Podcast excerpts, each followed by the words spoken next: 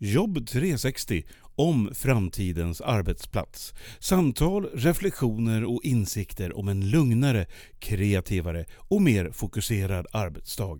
Inbjudna gäster tillsammans med Pia Andreasson och hennes kollegor från Direxio.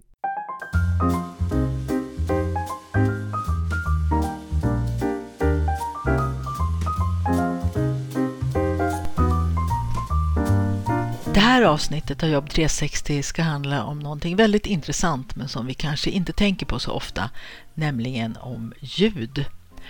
Och tanken på det här avsnittet kom till mig här för några veckor sedan när jag tänkte på att vad händer när vi kommer tillbaka till kontoret i framtiden och det kanske är mycket färre människor där än vad det var innan och det kanske blir tyst på ett sätt som vi inte har vant oss vid.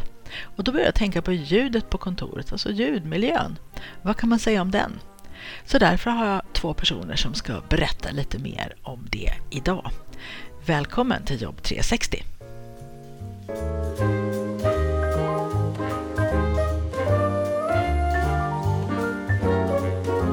Välkommen till podden Jobb 360, Alexander Kassberg och Margareta Andersson. Ni jobbar ju med ljud båda två. Margareta, berätta, varifrån kommer ni? Vi kommer ifrån ett företag som heter Lexter ljuddesign men som numera faktiskt heter Efterklang och är en del av Eifre-koncernen. Jag är Margareta Andersson och jag är ljudarkitekt. Jag heter Alexander Kastberg och jag är studiochef på Efterklang, före detta Lexter ljuddesign. Då. Okej, och Margareta berätta lite mer, vad gör en, en ljudarkitekt? Eh, jag jobbar med, kan man säga, helheten.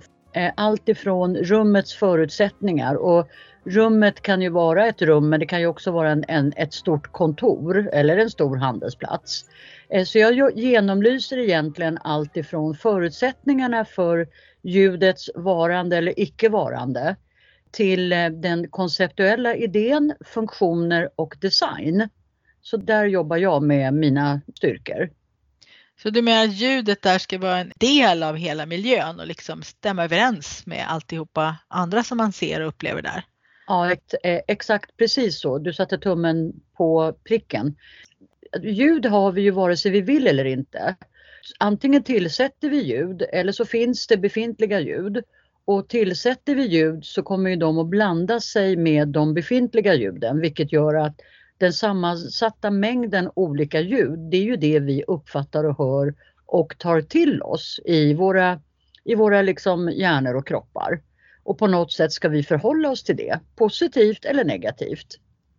Mm, och det här med ljud är ju lite invecklat för det är mycket som vi tar in utan att vi tänker på det. Vi processar ju inte det med tankeverksamheten utan det går ju raka vägen in på andra sätt och påverkar. Och så, du jobbar ju med studioarbete, Alexander. Och vad innebär det då? Sitter du och rör ihop alla ljuden där som i en färgpalett och portionerar ut dem eller vad gör du för något? Ja, alltså vi jobbar ju väldigt ofta med att tillsätta ljud i olika miljöer för att på olika sätt färga och forma ljudupplevelsen på platsen och förändra ljudmiljön.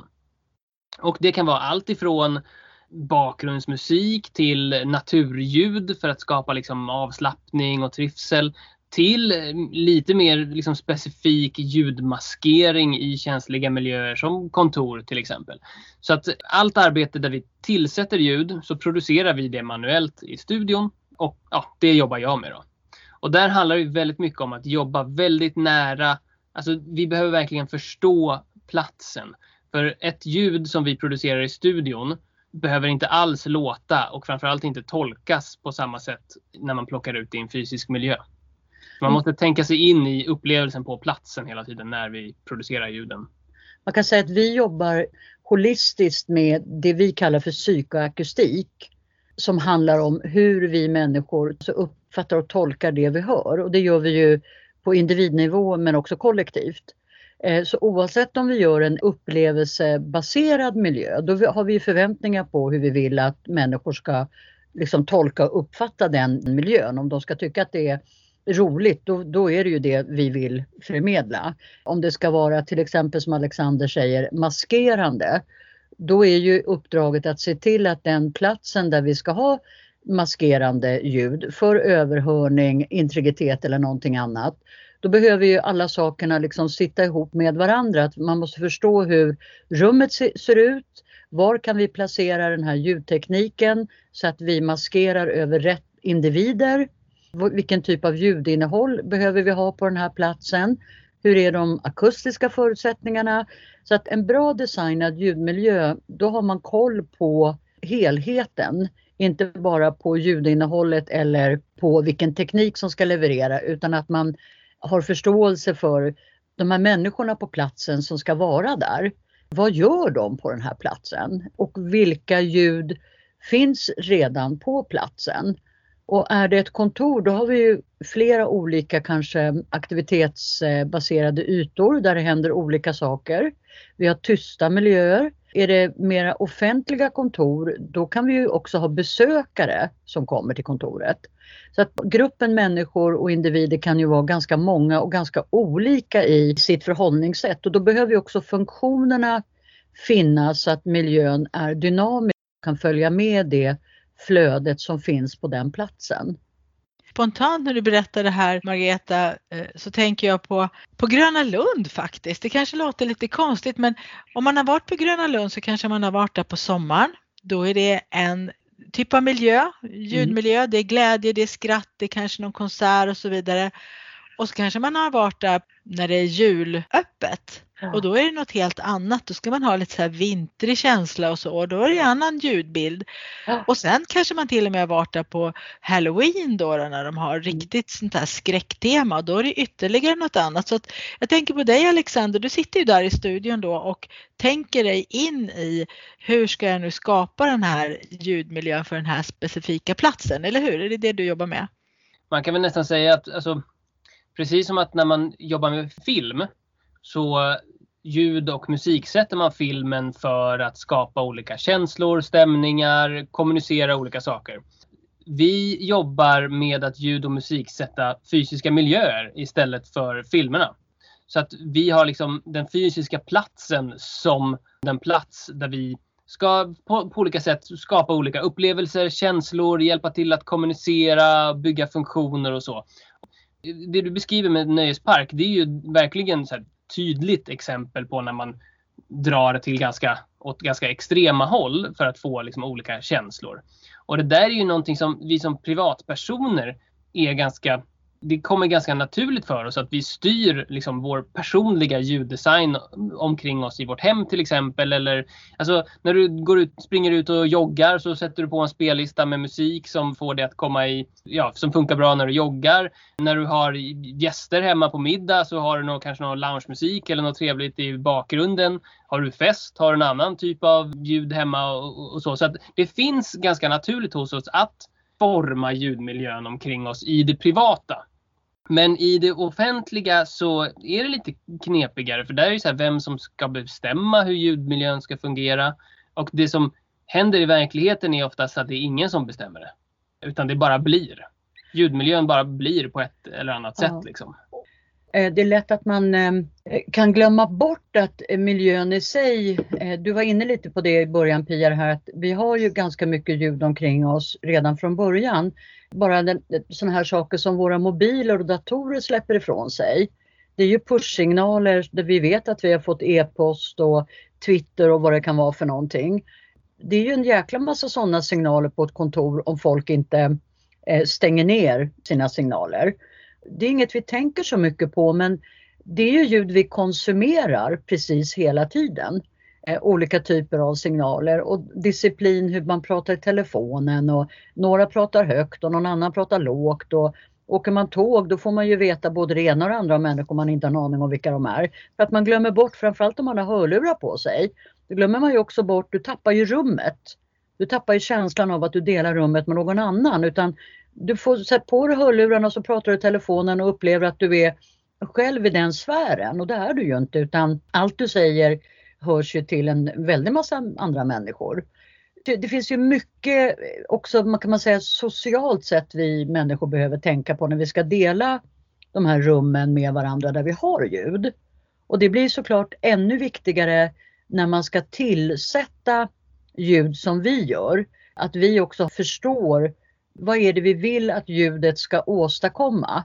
För väldigt ofta förknippar vi kanske ljud med det visuella, att vi har en förväntan på hur saker ska låta för att vi ser någonting också. Men är vi i en kontorsmiljö då behöver vi förhålla oss till ganska mycket funktion eh, och också individ. Vissa människor, det har vi också i oss i vår personlighet om vi är kinestetiska eller audiotiva eller hur vi, hur vi, hur vi tänker bäst. Vissa människor vill ha musik och, och liv omkring sig för då fungerar vi bäst. Och då på, på ett kontor är det ju bra om det finns en sån för, miljö för mig att sätta mig i. Medan andra kräver jättemycket tystnad för att få koncentrationsfokus. Och då kan det vara bra att designa ett kontor utifrån att det finns ljudöar för människor som vill ha mera ljud och att det finns ordnade ytor för de som inte vill ha det. Eh, så att vi, vi kan välja vad passar mig bäst.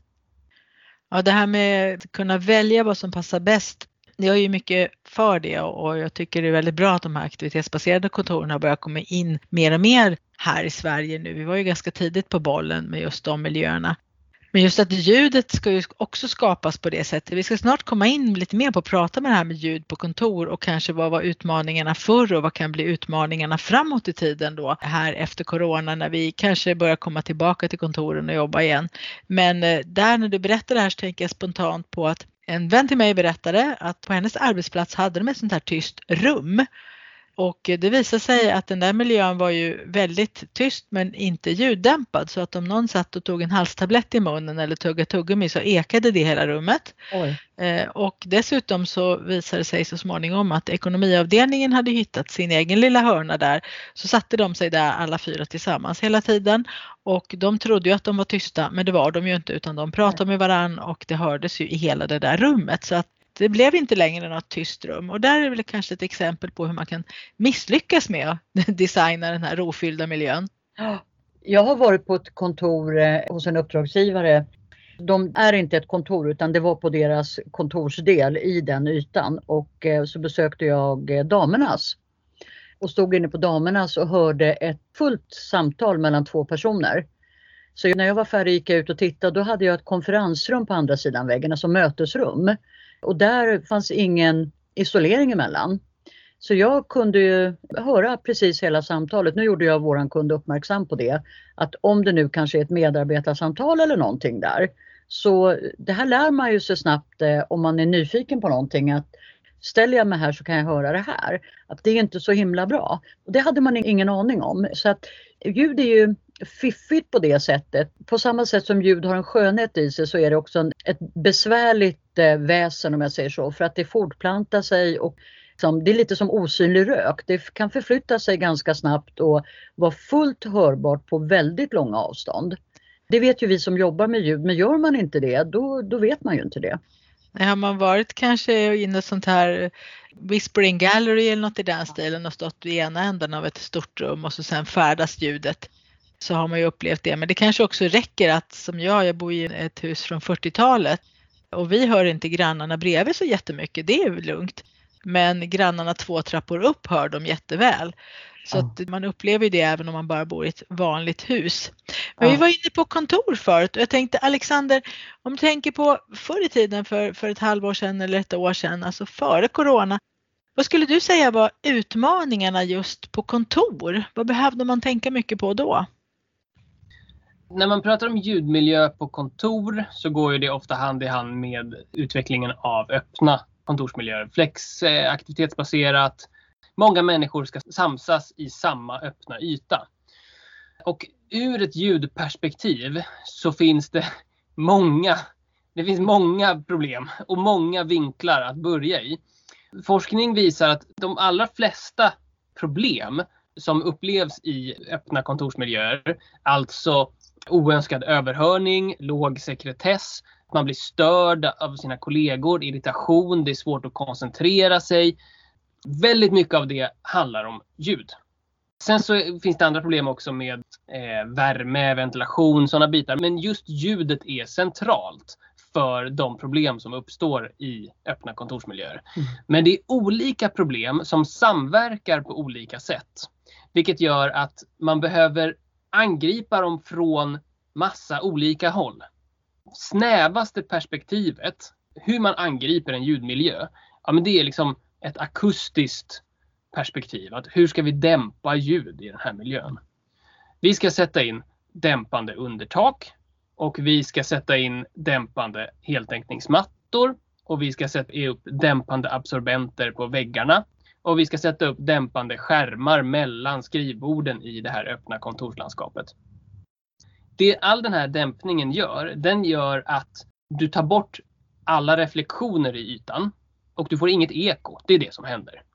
Och det löser ju problemet då förstås med ekande lokaler. För det kan vara ett problem. Att lokaler med liksom ta höga takhöjder och mycket hårda ytor och sådär. Där blir det ett problem för att du får mycket eko. Så när många människor pratar eller folk går över hårda golv och sådär så får du liksom ett oväsen av allt det här ekot.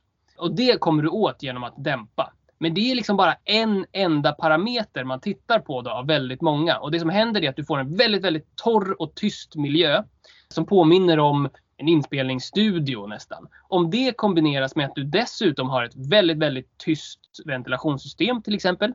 Välisolerade väggar mot eh, trafik utanpå på gatan och sådär gör att du får väldigt, väldigt, väldigt tysta kontorsmiljöer.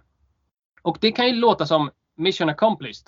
Nu har vi tyst på vårt kontor, då har vi löst alla problem. Nej, för människorna är ju fortfarande kvar på kontoret.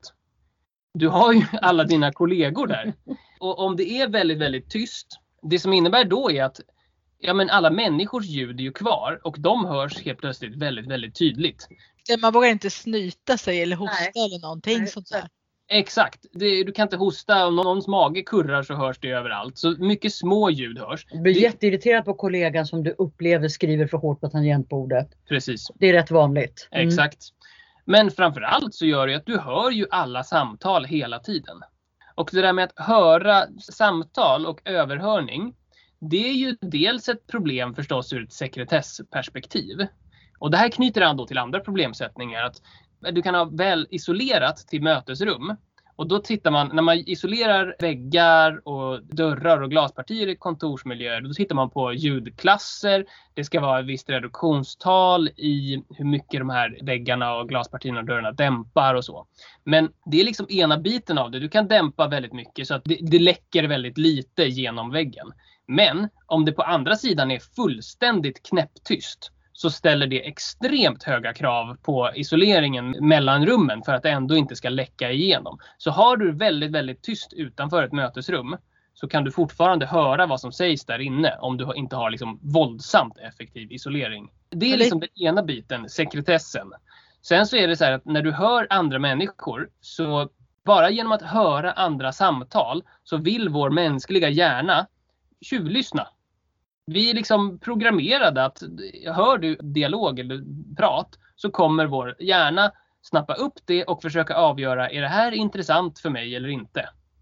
Och så fort din hjärna har börjat göra det, ja men då har du tappat koncentrationen på det du jobbar med. Du kanske inte alls är intresserad av den där dialogen som pågår 10 meter bort. Men din hjärna måste ändå kolla efter. Är det intressant eller inte? Det är ju de här två systemen vi har som ska sköta om hot eller möjligheter. Alltså det kan ju vara både ett hot och ett möjlighet om jag hör någon prata där borta. Så att paradoxen blir att man skapar alltså de här tysta, tysta miljöerna och tycker att man har lyckats. Och det man uppnår är istället att talet stör extremt mycket. Vore det lite mer så att säga inom citationstecken slammer och lite lite mer från, från ventilationssystemet då skulle inte den där samtalet bära hela vägen ända fram till mitt öra och då skulle jag få jobba i fred i en liten ljudmatta istället. Är det så man tänker Margareta? Ja, för det som händer är ju att om du har ett kontor som är väl omhändertaget vad det gäller isolation och absorption och det är lite för bra gjort om jag säger så, då får du samma problem som om det inte vore omhändertaget det är två helt olika saker men du får, i, slut, i slutet så får du samma problem. Du får en dålig ljudmiljö som människor inte kan höra i eller hör för mycket i.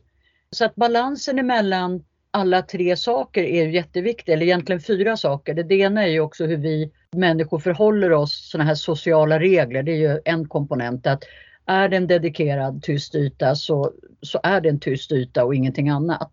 Och då behöver man ju också som ägare av den kontorsmiljön vara tydlig i den markeringen att människor som lär sig att här, här är en tyst yta. Att man har bra absorption är ju jättebra. Men du får inte ha knäpptyst därför att då kommer vi vara på helspänn hela tiden. Är en miljö för rörig eller för tyst, det är då vi också hittar våra kollegor sittandes arbetande med lurar på sig av olika slag. Och då har vi tappat hela liksom, härligheten med att vara tillsammans på öppna ytor. Att vi faktiskt ska ha någon form av kommunikation mellan varandra. Men sitter jag i min bubbla och gör mitt och någon annan i sitt, då har vi små egna osynliga rum där vi inte längre integrerar med varandra på samma sätt. Så att det Alexander är inne på är ju också den här balansen av att om jag nu har väldigt välisolerade mötesrum och också väldigt tyst på utsidan, ja men då kanske jag måste tillsätta ljud på de ytorna som är väldigt nära de här mötesrummen för att få en miljö där människor vågar passera, gå förbi och kan ha ett samtal. Vi kan med ljud ganska snabbt också få människor att förhålla sig på lite olika sätt. Det lär vi oss väldigt snabbt för hörseln är finurlig istället för att gå i en miljö som är antingen för bullrig eller för tyst. För är det för bullrigt omkring oss då kommer vi höja rösten för att göra oss hörda. Och då får vi ett annat problem istället, det man kallar för lombardeffekten slår på. Att vi helt plötsligt artikulerar, vi talar tydligare och lite högre för att nå fram med informationen.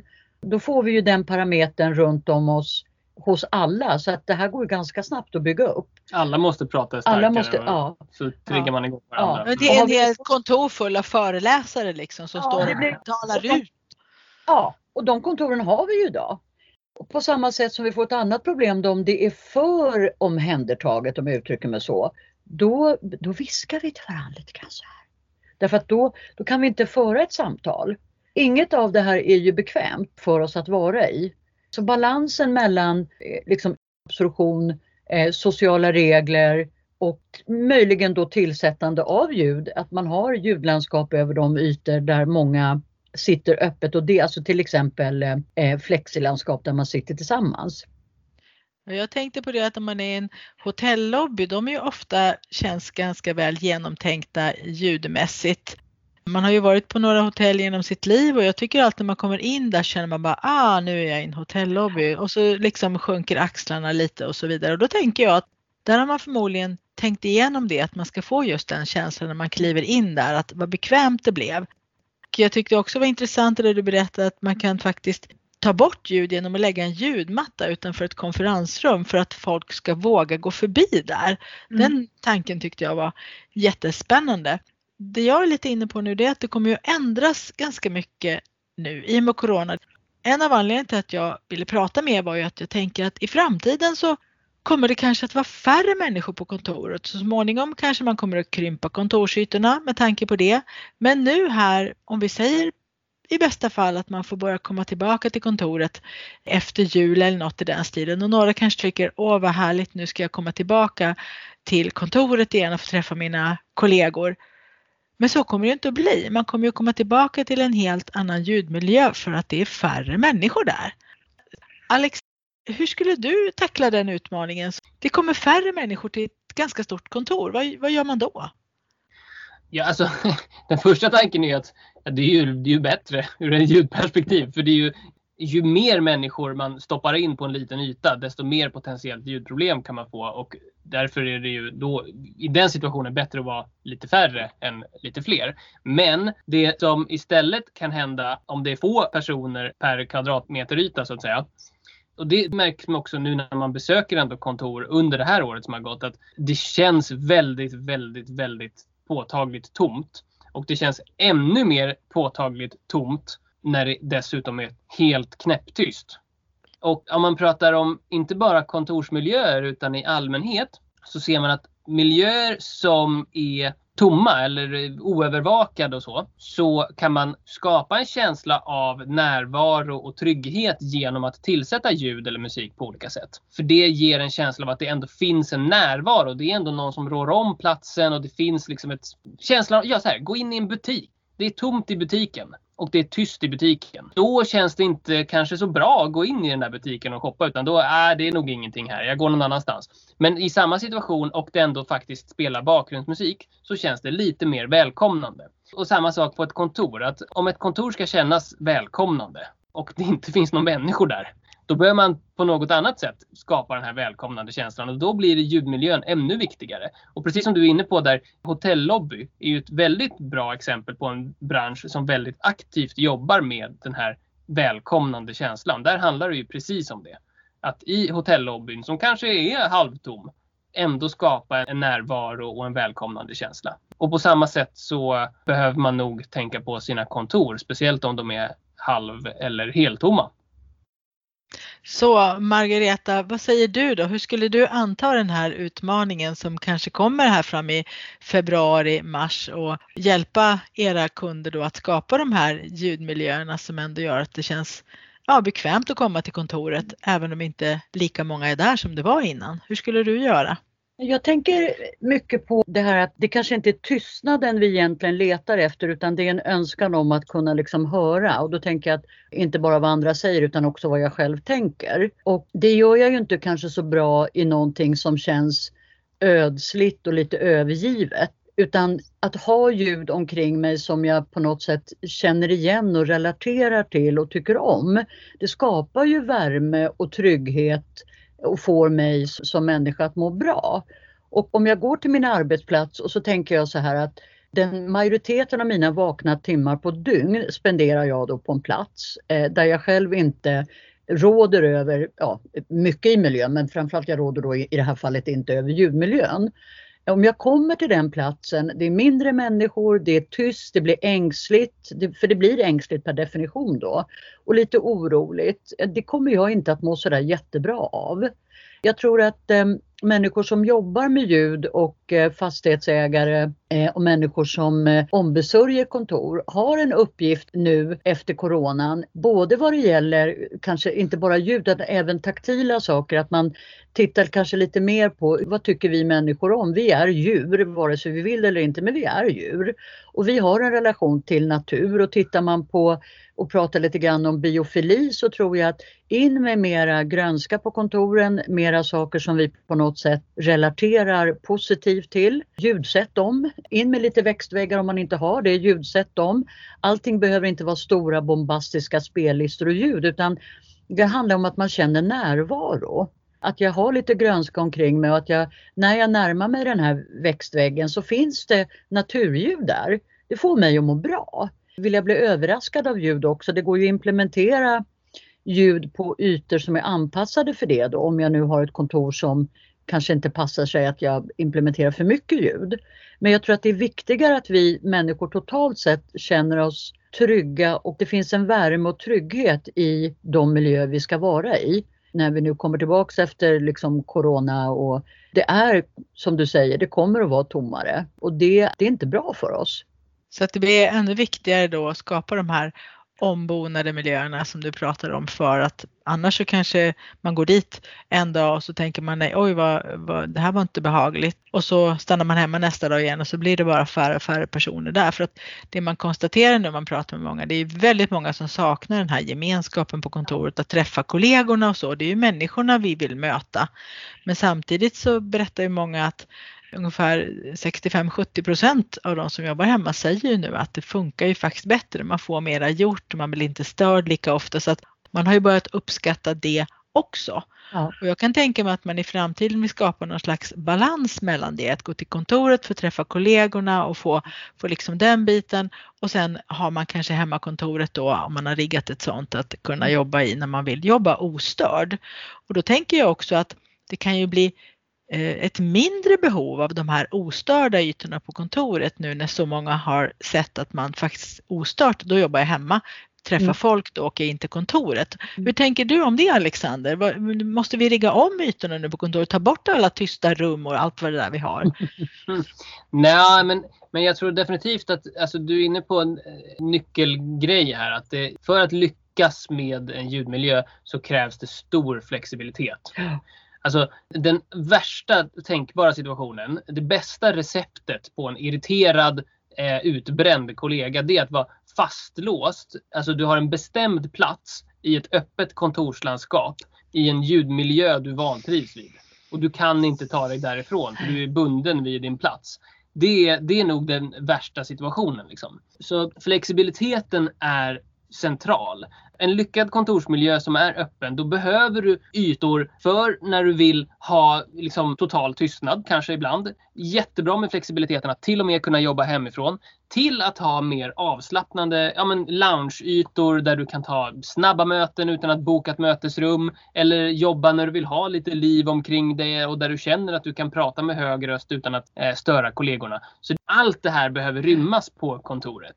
Och gärna i en, liksom en, en graderande skala från de här allra mest livliga loungeytorna där du känner dig välkommen, avslappnad, där du kan prata med hög röst. Gradvis ända ner till ett tyst slutet mötesrum och att du som anställd kan liksom välja var du vill sitta. Mm. Du kan, och du kan gå undan om du ska ta ett telefonsamtal eller du kan gå undan om din kollega börjar snacka i telefon. Den där, den där flexibiliteten är central och då är, att även kunna jobba hemma är en del av den flexibiliteten. Att låta människor kunna, precis som du säger, välja. För att om jag inte kan välja och ska vara koncentrerad, det behöver ju inte vara rymdforskning jag håller på med. Det kan ju vara någonting jag gör där jag behöver ha lite fokus. Blir jag störd i det så kan det ta upp till 15 minuter innan jag återfår mitt fokus. Och hur många gånger på en dag blir jag då inte störd? Ganska många. Så att om vi alla kan få möjligheten att välja vad är det jag pysslar med idag och vad är, eller vad är jag på för humör? Idag är jag liksom lite, lite piggare och lite busigare än vanligt och lite socialare. Då kan jag liksom söka mig till de ytorna där jag kan vara det då. Eh, och har jag en annan dag där jag är lite, kanske lite trött och lite hängig i största allmänhet och behöver få vara lite liksom, gå undan så kan jag göra det. Men att ha en ljudmiljö som vurmar för det för att vi kommer att se ganska mycket av det. Eh, för att platser med bra ljudmiljöer känns omhändertagna och där tycker människor om att jobba. Tycker jag inte om det som du säger att om jag jobbar hemifrån, då får vi ett annat problem på, på sikt att vi, vi tappar den här, vi, vi är ju flockdjur. Vi behöver ju tillhöra en flock och ett sammanhang. Även om jag jobbar två eller tre dagar hemma i veckan så behöver jag vara i flocken två dagar i veckan av olika anledningar. Och jag tror att arbetsgivare kanske inte tycker att det är så jättebra att teamen inte är teamade. Vi kan teama till en viss del i olika digitala plattformar och sådär. Men vi behöver ju också varandras energier och spontana aktiviteter. Och det får vi ju endast vid fysiska möten. Det som ni säger här, de arbetsgivare som ser ett värde i att personalen letar sig tillbaka till kontoret och vill vara där, de behöver verkligen nu så snart som möjligt se över ljudmiljön och göra en riktig utvärdering. Vad händer nu om det är faktiskt inte alls lika många människor på kontoret i vår som det var innan, men vi vill fortfarande få människor att känna sig bekväma här och må bra när de kommer till kontoret. Då måste man helt enkelt kontakta er på efterklang Mm. Eh, eller några kollegor i branschen och, och, och, ni får komma och så får man se vad man kan göra med det här med biofila miljöer som du nämnde med växter. Jag har ju haft eh, ett sådant program i podden också som handlar om det. Och också att man kan ljudsätta dem. Mm. Så att det stämmer överens och eh, ja, jag tycker det här var jätteviktiga frågor. Jag tyckte det är väldigt spännande tanke. De, jag har delat den här tanken med några människor de senaste veckorna inför det här poddsamtalet och alla blir lite överraskade för de har inte tänkt på det. Nej. Så att ni har mycket att göra i vår hoppas jag. Ni får ut och mm. missionera om det här och berätta att tänk på ljudmiljön nu så att folk vill komma tillbaka till kontoret. Ja. Får jag tillägga en sak? Absolut. Eh, och det är ju det här att eh, alltså hörsel är ganska sekundärt för väldigt ofta relaterar vi till det vi liksom ser och hörseln tar vi många gånger lite för givet sådär att vi, vi, vi resonerar inte så mycket runt det. Fast våra öron egentligen är som två paraboler som gör att vi hör åt alla håll och kanter, underifrån och uppifrån och runt oss och hit och dit och kors och tvärs. Vi tar ju in ofantliga mängder varje dag via våra paraboler om jag säger så. Men vi tar det ganska mycket för givet om det inte blir ett uppenbart problem. Då diskuterar vi det. Så att jag är inte så förvånad över att man, man får reaktionen kanske så här, ja just det, så är det. För när man beskriver det vi precis har pratat om så reagerar de flesta människor med att, ja men gud, det är ju självklart, så borde det ju vara. Men det är inte så ännu. Men vi är ändå en, på, på väg mot någonting eftersom diskussionerna är uppe och inte bara vi utan många andra också försöker så mycket vi bara kan och orkar att liksom prata om eh, ljudföroreningar också som finns på olika sätt. Det jag hör är att du säger att eh, ni vill att man ska börja se det här med öronen och ljuden som en möjlighet och inte bara ta det som ett problem och åtgärda problem när det uppstår. Och då tycker jag vi kan införa ett nytt ord, öronergonomi. Ja, Snyggt! snyggt! Den tar vi. Vi skickar ut det till alla. Ni måste inte bara tänka på kontorsstolar och höja och sänkbara skrivbord och röra på sig en gång i halvtimmen och axlar och såna här saker utan öronergonomi. Ja, jättebra. Ja, den tar vi. Den tar Okej, vi. tack Alexander och tack Margareta att ni ville vara med i Jobb 360. Tack, Tack, tack. Pia.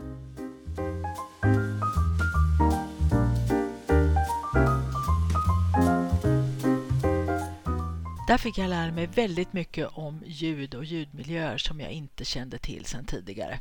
Och jag hoppas du också har fått mera tankar och input kring det här med ljud och vad man kanske behöver tänka på när vi kommer tillbaka till kontoret så småningom att vi kan behöva rigga om vår ljudmiljö så att det funkar för vårt känsliga öra. Och du får ta och lägga ordet öronergonomi på minnet. Därför att det är ju en lika viktig del av arbetsmiljön som våra skrivbord, våra stolar och temperatur, luft, ljus med mera. Öronergonomi. Tack för att du lyssnar på Jobb 360.